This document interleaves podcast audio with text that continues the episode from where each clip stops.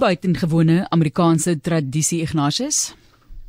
Martelies, inderdaad, dit is so.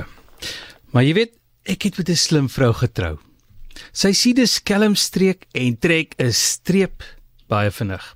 Jy weet 'n romantiese nageregdeel? Sy het gou-gou geleer om daardie bederfie in twee helftes te deel. Anders trek sy erg aan die kortste end.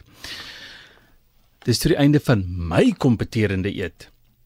In Amerika is kompeterende worsbroodjie eet 'n instelling. Op 4 Julie, hulle onafhanklikheidsdag, word 'n tradisionele worsbroodjie eetkompetisie voor groot skares in New York gehou.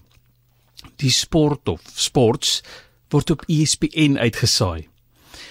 Deelnemers ding mee om die mosterdgordel. Joey Joss Chestnut het gister vir die 16de keer as kampioen van die tafel opgestaan. Sy rekord het hy in 2021 opgestel met 76 worsbroodjies in 10 minute. Dink daaroor Martelies, 76 in 10 minute. Gister was 'n stadige dag met 62. Basiese worsbroodjie elke 10 sekondes. Die ou wat tweede was, het net 49 gekou. In die damesafdeling het Miku Sudo met 39 en 'n half worsbroodjies haar 9de titel in 'n ry ingepalm. Nou wonder ek, hoe berei jy voor?